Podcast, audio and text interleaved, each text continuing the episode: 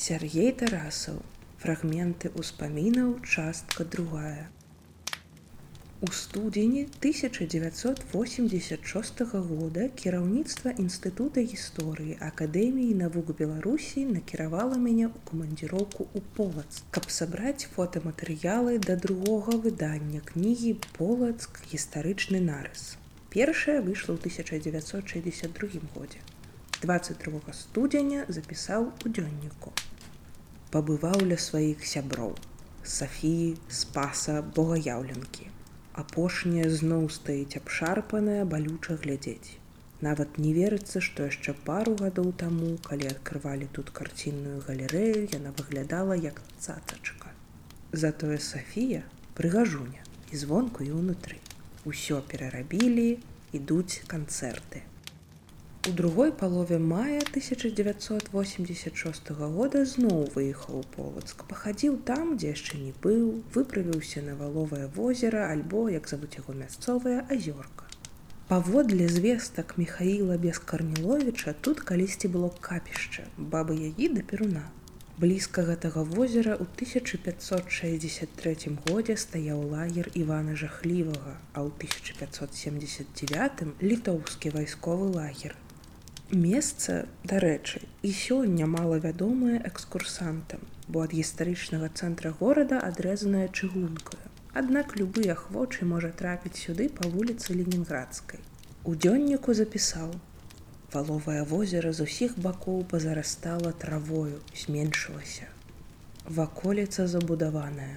Старыя жыхары, з якімі давялося размаўляць, казалі, што дамы стаялі яшчэ да вайны другой сусветнай пайшоў па хатах. На агародаў паўднёва-ўсходняй часткі людзі нічога не знаходзілі. Яно і не дзіўна, зямля тарфяная, часткова нанесеная з-пад возера.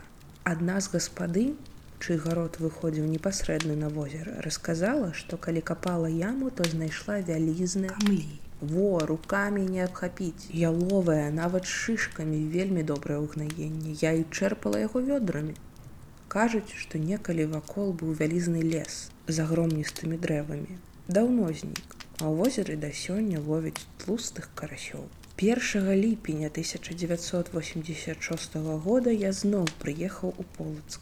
У кішэні было камандзіровачнае пасведчанне палявыя грошы на аплату землякопаў і намер для пачатку абследаваць невялікімі шурфамі ды раскопамі адзін з цікавы і да гэтага часу амаль недаследаваных раёнаў полацка за палоцця. У дзённіку запіс.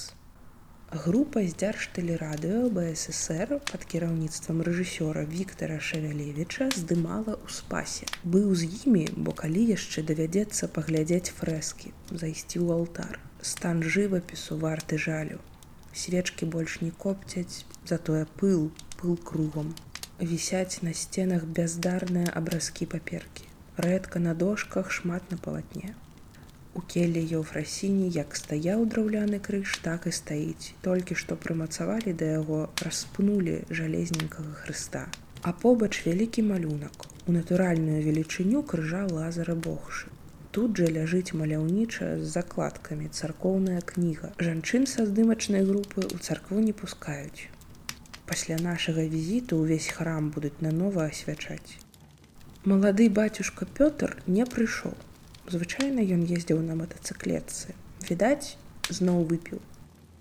За гэты час змянілася кіраўніцтва полацкага музея запаведніка былая дырэктарка зальцева сышла на пенсію і нават з'ехала кудысьці ў рассію ейнае месца заняла татяна давыдаўна рудова а загадчыкам аддзела археалогіі запаведніка стаў ігор зуферович заліву колькі словаў пра гэтага чалавека? Па-першае карэнны палачанін. Ягоны татарскі радавод сягае часоў вітаўта. Добра абазнаны ў гісторыі ды археалогіі заўсёды гатовы прыйсці на дапамогу Акурат ён першы не толькі звярнуў увагу на шматлікія надпісы на танкоўцы спасаўскага храма, але і пачаў іх вывучаць. Дагэтуль у нашай навуцы гэта агромністы прабел. Сотні, нават тысячы надпісаў на сценах храма, якія датуюцца 12-17 стагоддзямі, ніхто не зафіксаваў, не надрукаваў, не даследаваў. Праўда, са словаў рэстаўратара ракіцкага ведаю, што падчас расчысткі жывапісу 12 стагоддзя яны рабілі фіксацыі надпісаў. Аднак іх прачытанне, датаванне, праца палеографаў. Адзінкавыя навуковыя працы, прысвечаныя некаторым з іх выйшлі ў 1970-1980 гады пад пяра расійскіх даследчыкаў. І ўсё. Да таго ж у Беларусі такі помнік адзіны. З ініцыятывы ігара залілава і пры ягоным непасрэдным удзеле барысаў камень быў перавезены з-пад касцельцаў, гэта цяпер раённага полацка на верхні замак у полацк. Ён распавядаў, як ужо на пляцоўцы побач з Сафіяй з платформы танкавага цягача камень паднялі на металічных ланцугах, прымацаваных да швелераў і раптам ён пачаў круціцца ў паветры. Ланцугі не вытрымалі і ўсёю сваёю шматтонную масу камень абрынуўся на зямлю. Вот так ён і цяпер стаіць, а жалезныя швелеры засталіся пад ім у зямлі. З гэтага года база экспедыцыяў нязменна месцілася ў музеі запаведніку. І там жа, адрозна ад папярэдніх гадоў, заставаліся ўсе знойдзеныя ў полацкай зямлі артефакты іх не вывозілі ў Менск, а апрацоўвалі, малявалі, фатаграфавалі і так далей і пакідалі на месцы у полацкім музеі. Гэта на карысць і музею, фонды якога стабільна штогоду папаўняюцца і самім рэчам, якія, па-першае, гарантавана захоўваюцца, а па-другое складаюць цэльную калекцыю. Сёння шмат, якія з іх можна пабачыць у сталай музейнай экспазіцыі. У полацку другой паловы 1980х уражвалі кантрасты. У самым цэнтры гістарычнага горада каля Сафіі і ў кірунку так званай машны буяла звычайная вясковая гаспадарка. Тут і куры, і гусі, і пеўні і нават свінні з каровамі і натуральна сады і агароды. Некалі акурат з гэтага боку мад'яры Стэфана Баторыя штурмавалі горад у 1579 годзе палілі сцены, караскаліся на млын праз стылую ваду. З-за палоцця нарад каспара бекіша, а з замку абаронцы з велічэзных вежаў данжонаў вялі гарматны абстрэл. Дапаўнялі карціну хворыя з бальніцы, што месціліся акурат на тэрыторыі старажытнага верхняга замка. У брудных, няпэўнага колеру халатах бабы і мужыкі ў добрае надвор'е пакурвалі ды папівалі чарнільца. Бальніца на верхнім замку з'явілася ўжо пасля другой сусветнай вайны. Калі ў 1950 надумаліся будаваць гарадскі морг, натрапілі на падмуркі часу полацкага княства. Іх даследаваў ленінградскі археолог Михаил Каргер. Высветлілася, што гэта быў храм, які стаў прататыпам храма Михаила Архангела ў Смаленску. Магчыма, ён быў полацку так званым княжацкім храмам большая частка падмурка пры пабудове была знішчана адразу. Рэшту знішчылі пасля кароткіх доследаў, а морг стаіць і сёння. Другім аб'ектам бальнічнага комплексу быў анкалагічны корпус.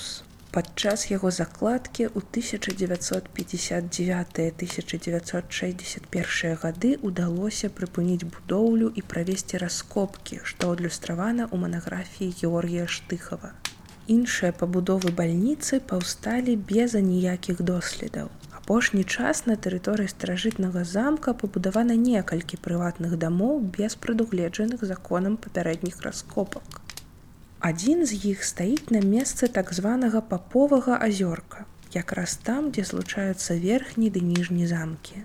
Сёння сядзіба і балаціна, што засталася ад азёрка, абнесеная высачэзным плотам. А згодна з гарадскім паданнем у ім схаваныя нейкія скарбы з часу вайны 1812 года.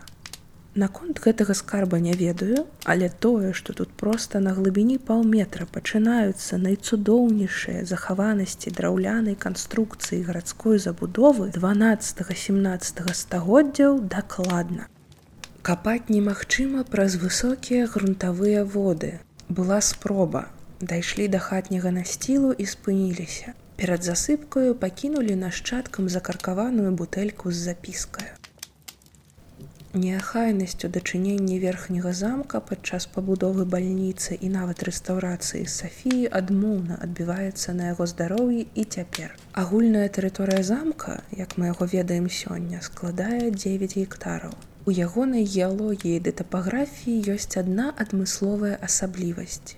Тут на вышыні больш за 10 метраў над плынню дзвіны пачынаюцца грунтовыя воды, так званая верхаводка святая крыніца, што б'е з падножжа пагорка быццам з-пад Сафіі добра вядомая палачанам і турыстам. Сілкуецца акурат гэтымі грунтовымі водамі. Калі лічыць ад паверхні замка, то вада пачынае пластавацца ўжо на глыбіні меней за паўтара-два метры. Гэта сталася нагодаю для базыльянаў правесці адмысловую дрэнажную сістэму па ўсёй тэрыторыі замка ў 18 стагоддзя. Яна у выглядзе сеткі выводзіла воды ў дзвіну і палату. Сцёкі рабіліся ў выглядзе закапаных у зямлю мураваных вадаводаў. Вышынёю 80 і шырынёю на 70 метра з паўавальным верхам з цэглы памерам 29 на 14 на 7 сантыметраў. Магчыма, месцамі былі зробленыя і камеры адстойнікі, адзін з гэтых вадаводаў давялося пабачыць раскапаць і нават прапаўсці па ім недзе каля сямі метраў. Разам з ленінградскім дыгерам алексеем лямнёвым. З часам некаторыя з іх абваліліся самі іншыя зламаліся не вытрымаўшы цяжару вялікай тэхнікі ды машынаў падчас пабудовы і рэстаўрацыі сафіі У дзіркі ды яміны ў зямлі было засыпана безліч смецця і будаўнічага друзу, асабліва непасрэдна перад цяперашнім уваходам у Сафію, куды звалілі каля пяці мазаў. У выніку і натуральны і дрэнажны сцёк былі перакрытыя, а вада пайшла ў бок падмуркаў сабора. З іх яна пачала вымываць рошчыну, падмуркі сталі прасядаць вежы храма паступова правальваюцца ў бок дзвіны. Пра гэта сведчаць шматлікія папяровыя маячкі, што наклееныя ўнутры храма на шчыліны ў сценах. Дзякаваць Богу, у апошнія гады працэс прыпыніўся. Праўда, невядома з якой прычыны. Можа быць два выйсця. Альбо закопваць па перыметры падмуркаў новыя дрэнажы, альбо адкрываць падмуркі вакол храма па ўсім перыметры. Там застаюцца рэшткі пахаванняў і прыбудоваў з цэглы ад 12 стагоддзя. Запіс у дзённіку 31 ліпеня 1986 года. Цікавыя добраахвотныя памочнікі, якія працуюць вось ужо каторы тыдзень на раскопе з паловы на сёмую вечара. Людзі прыходзяць пасля працоўнага дня, прыходзяць, як самі кажуць, адпачываць. Гэта Анатоль Платонавіч Дубатоўка, архітэктар, а для душы мастак фатограф. Эдзік Давыдоўскі, працуе ў фірме наладжвання апаратуры, майстры ў дуркарках і яшчэ Бог ведае ў чым, збірае рэвалюцыйныя паштоўкі з відамі полацка. Нейкі бацька дваіх дзяцей, які заўсёды прыязджае на спартовым ровары і яшчэ некалькі чалавек, якіх ведаю горш. Працу даводзіцца рабіць розную часам цяжкую часам з ножом і пэнзлем але не скардзіцца робіць усё. Самае як мне здаецца для іх цікавая гэта нашая размова ў час працы і кароткія перапынкі. Цікава і мне. У эдуарда давыдоўскага як выявілася самая буйная і поўная калекцыя да рэвалюцыйных паштовак з выявамі полацка Ягоны пакой быў завалены выданнямі 19 пачатку два стагоддзя. Ад давыдоўскага пачуў і першы пашыраны фантастычны аповед пра полацкія лёхі. Запіс ад 6 жніўня 1986 года. У 14гадовым веку у піянерскім лагеры пад полацкам яму распавёў мясцовы жыхар былы палачане. Дядька той стары, нарадзіўся да рэвалюцыі. Адбылося гэта ў полацкай сафійцы. Перад самым закрыццём падышоў да манахаў ніятаў дзядзька. Людзей ужо амаль не было і паабяцаў добра заплаціць, калі яны дапамогуць. Згадзіліся. Падышоў да фрэскі, націснуў на вока намаляванага святого. У сцяне адчыніўся лас. Дядзька завязаў манахам вочы і павёў у ход. Ішлі то направа, то налево, то зноў направа Калі вочы развязаў, то ўбачылі ці то крыпты, ці то нішы схованкі з куфрамі скрынямі. Дядька дастаў мяхі, пачаў адчыняць скрыні, там былі каштоўнасці. Манахі вачам сваім не верылі. Усё, што адбывалася, для іх было нібы сон. Пасля таго, як мяхі былі набітыя, ён зноў завязаў ім вочы, пайшлі назад. Наверсе, нічога не патлумачыўшы, чалавек дастаў і аддаў іхнюю заробленую долю, каштоўнасці неверагоднай. Рэшту забраў і знік. Манахі так адурэлі з таго, што адбылося, што ад радасці пачалі жменямі кідаць каштоўнасці ў гару і смяяцца. На другі дзень выклікалі паліцыю. Хутка з губернскага віцебска быў дасланы адмысловы атрад ён і пайшоў у падзямелля. Іх доўга чакалі, не вярнуўся ніхто. Паслалі яшчэ некалькі чалавек. Вярнуўся летні звар'яцелы адзін і распавёў, што астатнія трапілі ў яміну на калы і загінулі. Больш туды ніхто не хадзіў. У той год На ўласныя вочы я бачыў, як падчас рамонту сцяжыны на поўнач ад апсіды сафійскага сабора лом у руках рабочага Сергея Вінаградава больш як на метр проста праваліўся ў зямлю. Прабіў найхутчэй звод дрэнажнага каналу. Раннюю вясною 1987 года ў цэнтры горада паміж плошчаю Леніна цяпер свабоды і вуліцаю камуністычную распачалася будова шматпавярховага дома. Без аніякага ўзгаднення з акадэміяй навук просто падагналі экскаватары і пачалі капаць. У красавіку туды з'ездзіў Георгій Штыхаў. 20 мая выправіўся ў полацк і я. На момант, як я трапіў у горад, былі часткова закладзеныя бетонныя блокі падмуркаў. Аднаго позірку хапіла, каб зразумець, што на сметнік выкідаюцца найстаражытнейшыя археалагічныя напластаванні горада. У катлаване трачалі пераламаныя ўтрэскі бярвёна жылых пабудоваў і вулічных насцілах. У адвалах было лёгка знайсці гліняны посуд 12-13 стагоддзяў. Так, быў закон аб ахове помнікаў гісторыі і культуры. Выйшаў энцыклапедычны шматтомнік гэтых помнікаў. Былі пры міністэрстве культуры і на месцах падраздзялення. З тагачасным старшынёй полацкага выканкама рыгорам налівайкам мы сварыліся летні да бойкі. Выпадкам занёс публіцыстычны артыкул пад назваю прыйшоў на пасад экскаватар у звязду і яго надрукавалі 10 красавіка 1987 года. У канцы артыкула была прыпіска ад рэдакцыі. Як стала вядома, будаўнічыя работы на плошчы Леніна ў полацку зараз прыпынены. Гэта адна са станоўчых прыкмет часу, калі закон аб ахове помнікаў гісторыі і культуры бСр набывае рэальную сілу. Цяпер важна, каб будаўніцтва на гэтым месцы было працягнута толькі пасля археалагічных даследаванняў. Калі браць пад увагу тое, што пакуль археолагамі вывучана ўвогуле менш аднаго процента культурнага слою старажытнага беларускага горада, то відавочна, будаўнічыя работы ў полацку павінны пачынацца толькі пасля кампетэнтнага разгляду спецыялістамі. Пасля завяршэння раскопак пляцоўку засыпалі жвірам. Сёння тут невялічкі прыгожы сквер. Гэта былі самыя буйнамаштабныя раскопкі ў полацку за гісторыю яго археалагічнага вывучэння. Мы раскапалі пасадскую абарончую сцяну 11 стагоддзя, сядзібу майстра ювеліра 12-13 стагоддзяў, дзясяткі тысяч артефактаў, у тым ліку і прылады працы ювеліра, унікальную пячатку на камяні з выяваю пагоні. За два гады працы ад ранняй вясны да позняй восені летам дзве змены на 100 чалавек рабочых было даследавана больш за 1100 квадратных метраў плошчы на глыбіню да трох метраў. Полацкія легенды аб старадаўніх лёхах і падземных хадах былі неад'емную часткаю археалагічных доследаў. Гучалі яны няспынна.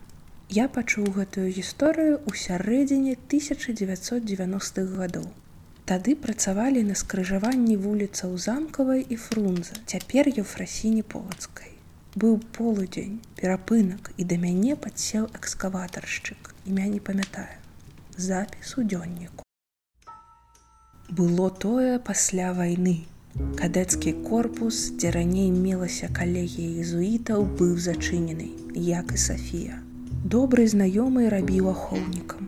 Аднойчы ўначы пагрукалі да яго нейкія два чалавекі.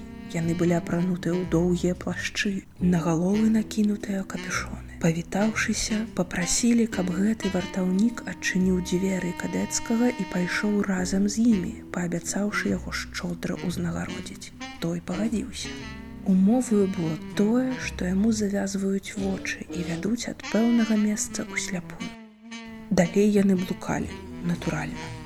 Доўга нейкімі скляпеннямі апускаліся ды падымаліся па прыступках. Нарэшце вартаўніку развязалі воз ягоных словаў гэта было досыць вялікае прастакутнае памяшканне, у якім былі чатыры дзверцы. Незнаёмцы дасталі прыхаваныя ключы і адамкнулі першыя дзверы. Яны далі нашаму герою ліхтар, прапанавалі зайсці і ўзяць тое, што пажадае. За першымі дзвярыма ў драўляных абабітых жалезам скрынях было поўна меднай манеты кемлівы ахоўнік натуральна ад медзя адмовіўся. Перад ім адамкнулі другія дзверы. Там у скрынях было багата срэбра ў выглядзе манетаў і рэчаў. Прачуваючы, што будзе за наступнымі дзвярыма ад срэбра ён таксама адмовіўся. Як варта было чакаць, за трэцімі дзвярыма былі скрыні з золатам. Апошнім ён і набіў свае кішэні. Аднак што дзіўна, незнаёмцы не сталі браць золата. Замкнуўшы трэцяе дзверы, яны скіраваліся ў чацвёртае. Туды ўжо пайшлі самі. Наш герой таксама зазірнуў. У апошнім памяшканні на падлозе ў куферках былі розныя кнігі. Большасць з іх у скураных пераплётах. Незнаёмцы адчынілі толькі адну невялічкую скрыню, дзе ляжала ўсяго адна, таксама невялічкага памеру кніга. Яны ўзялі адно яе, і прамовілі, што гэтая кніга каштоўнейшая за ўсю медь, срэбра і золата разам. Завязалі таму палачанюну вочы, вывелі на двор і зніклі, гэтак жа як і з'явіліся.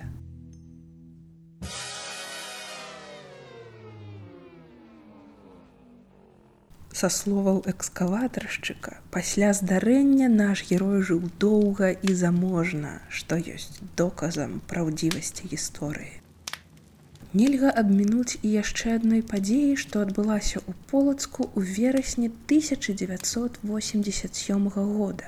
Гэта была першая навуковая канферэнцыя. Гісторыя і археалогія полацка і полацкай зямлі. У ёй удзельнічала 37 чалавек сярод іх такія мэтры археалогіі ды старажытнай гісторыі як леонид алексеяў татяна джексон татяна рождественская василь і валянцін булкіны василь пуцко наталля сярогіна леонид побаль георгій штыхаў ольга церашчатава ды іншыя Потым на базе полацкага музея запаведніка праводзілася шмат розных канферэнцый, сімпозіумаў, круглых сталоў. Прызнаюся, у тыя гады хацелася, але не верылася, што ў горадзе будзе свая полацкая навука. Паўстане уласная навуковая школа. Дакладней адродзіцца ад часу айцоў езуітаў, але так сталася і гэта ўжо факт. У наступныя 1989-1992 гады я прысвяціў свае доследы полацкай тапаграфіі ды наваколля. Даследаваў тэрыторыю гарадскіх пасадаў каля чорнага ручая на верхнім замку, вал Івана грознага востраў на дзвіне. Пакроўскую царкву, пляц каля вадацяжнай вежы, цяпер музей прыроды. Вялікі пасад на вуліцы камуністычнай і войкава, Талстога, пасад пачатковага горада на ніжнім замку, тэрыторыю былога аэрадрома і батарэю на задзвінні. Валовая азёрка, курганны могільнік каля вёскі Дмітраўшчыны ды іншае. У 1990 давялося быць даверную асобаю кандыдата ў дэпутаты Верхоўнага савета БССР Валянціна Голубева. Запіс у дзённіку 17 верасня. Выбары. Мы перамаглі голубяў 62сотка галасоў. У тым жа верасні мы разам з валянцінам публічна з аргументацыяй на агульным сходзе камуністаў інстытута паклалі на стол свае прадбілеты. У 1991 годзе ўпершыню давялося сутыкнуцца з царкоўнай археалогіяй. У полацкай епархіі ўзнікла жаданне аднавіць ніжнепакроўскую царкву. Трэба было знайсці яе падмуркі, вызначыць форму і памеры. Афіцыйным замоўнікам даследаванняў выступіў полацкі гістарычна-архітэктурны музей-запаведнік. Царква, першапачаткова збудаваная ў 80-е гады 17 стагоддзя была драўляная і згарэла. У 1905-1913 гады паўстала мураваная. З гледзяшча архітэктуры тыповая мураўёўка. Паводле агульнага для ўсёй расійскай імперыі праекта. За два гады раскопак знайшліся і падмуркі і памеры вызначыліся і нават тое, што тут існавала паселішча яшчэ з 12 стагоддзя. Праўда, больш як за 10 гадоў царкву ніяк не маглі адбудаваць. У полацку з моманту перадачы спаса праабражэнскага манастыра царкве полацкай епархіі мы былі частыя госці. Добрым словам трэба згадаць час, калі ачольваў епархію владыка Дмітрый цяпер владыка віцебскі ды глыбоцкі. На ягоную пару прыпалі найскладанейшыя працы ў аднаўленні паўразбураных храмаў у манастыры, наладжванне манастырскага жыцця.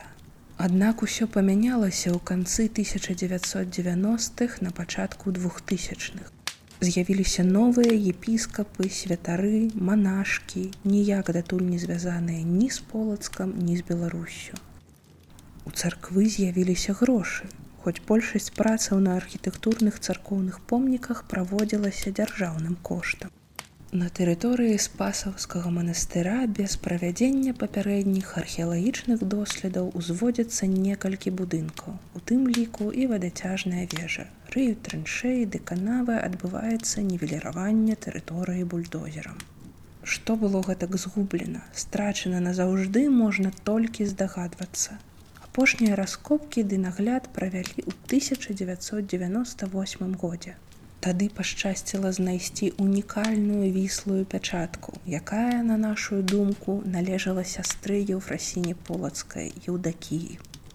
Полацкая праваслаўная царква пры епіскапу глебу актывізуе дзеянні дзеля захопу, іначай нельга сказаць сафійскага сабору, будынка былой брацкай школы дзе сёння месціцца музей кнігадрукавання і музей бібліятэка семёна полацкага.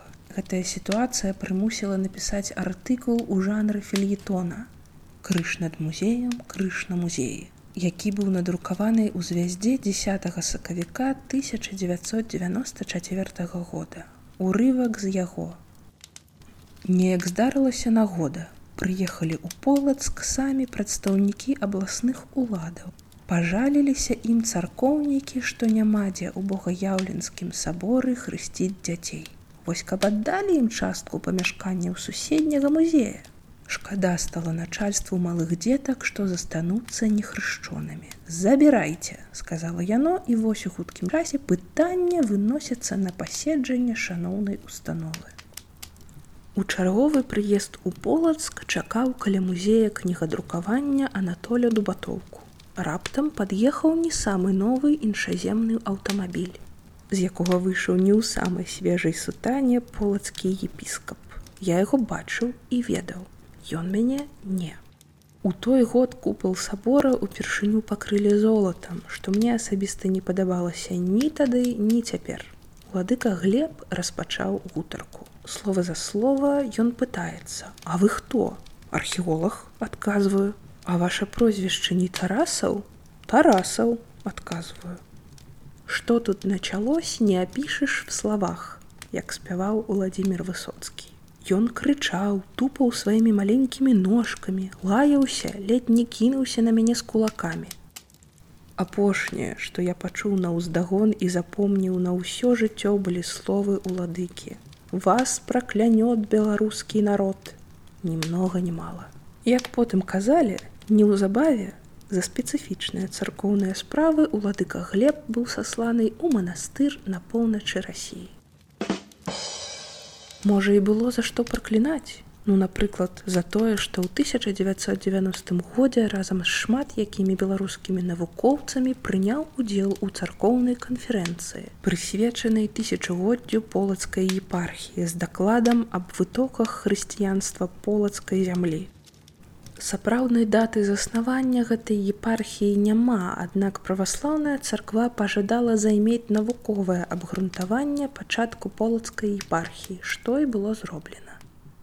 Альбо, напрыклад, за аднаўленне вобраза крыжае фрасіне полацкай. У 1992 мой сябра рэжысёр Віктор Шавялевич здымаў матэрыял пра беларусаў замежжа. Пазнаёміўся з бізнесоўцам з сургута Анатолем селівончыкам.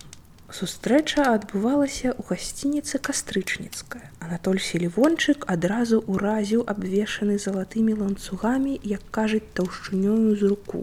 Ён відавочна быў упэўнены ў сабе бязмежна. Гэта яго па часе падвяло. Калі трапіў у тутэйшую турму і адседзеў у ёй тэрмін.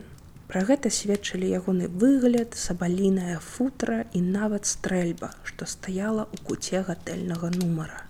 Каб ён увайшоў у гісторыі Беларусі, я прапанаваў яму пабудаваць храм, даць грошы на стварэнне археалагічнага музею полацку, паспрыяць вяртанню полацкага абраза Божай маці тарапецкай санкт-петербурга, аднавіць адзін з беларускіх замкаў. За ідэю вырабіць копію крыжаю фрасіне полацкай сібірскі суродзіч адразу ж ухапіўся. Пра наступныя падзеі чытач можа даведацца з кнігі Владимира Арлова, жыватворны сімвал бацькаўшчыны, што пабачыла свет таксама з дапамогай Анатолі Селівончыка. Сёння адноўлены і асвечаны крыж, які знаходзіцца ў полацку, маскоўскі патрыархат прызнае загалоўную беларускую святыню. Ці, можа, вартая была праклёну моя асоба за тое, што я дамагаўся вяртання на радзіму ўжо згаданага абраза Божай маці адзігітры эфескай, Яна ж тарапецкая, яна ж чарналікая. У снежні 2009 года гэты абраз санкт-петербургу перадалі ў царкву пры нейкім элітным катэджавым пасёлку ў падмаскоўі. А тады у 1991-1992 гады гэтую святыню згодна з паданнем падораную ефрасіне полацкай самім імператарам канстантинопольскім і патрыярхам лукой хрызавергам быў шанец вярнуць на радзіму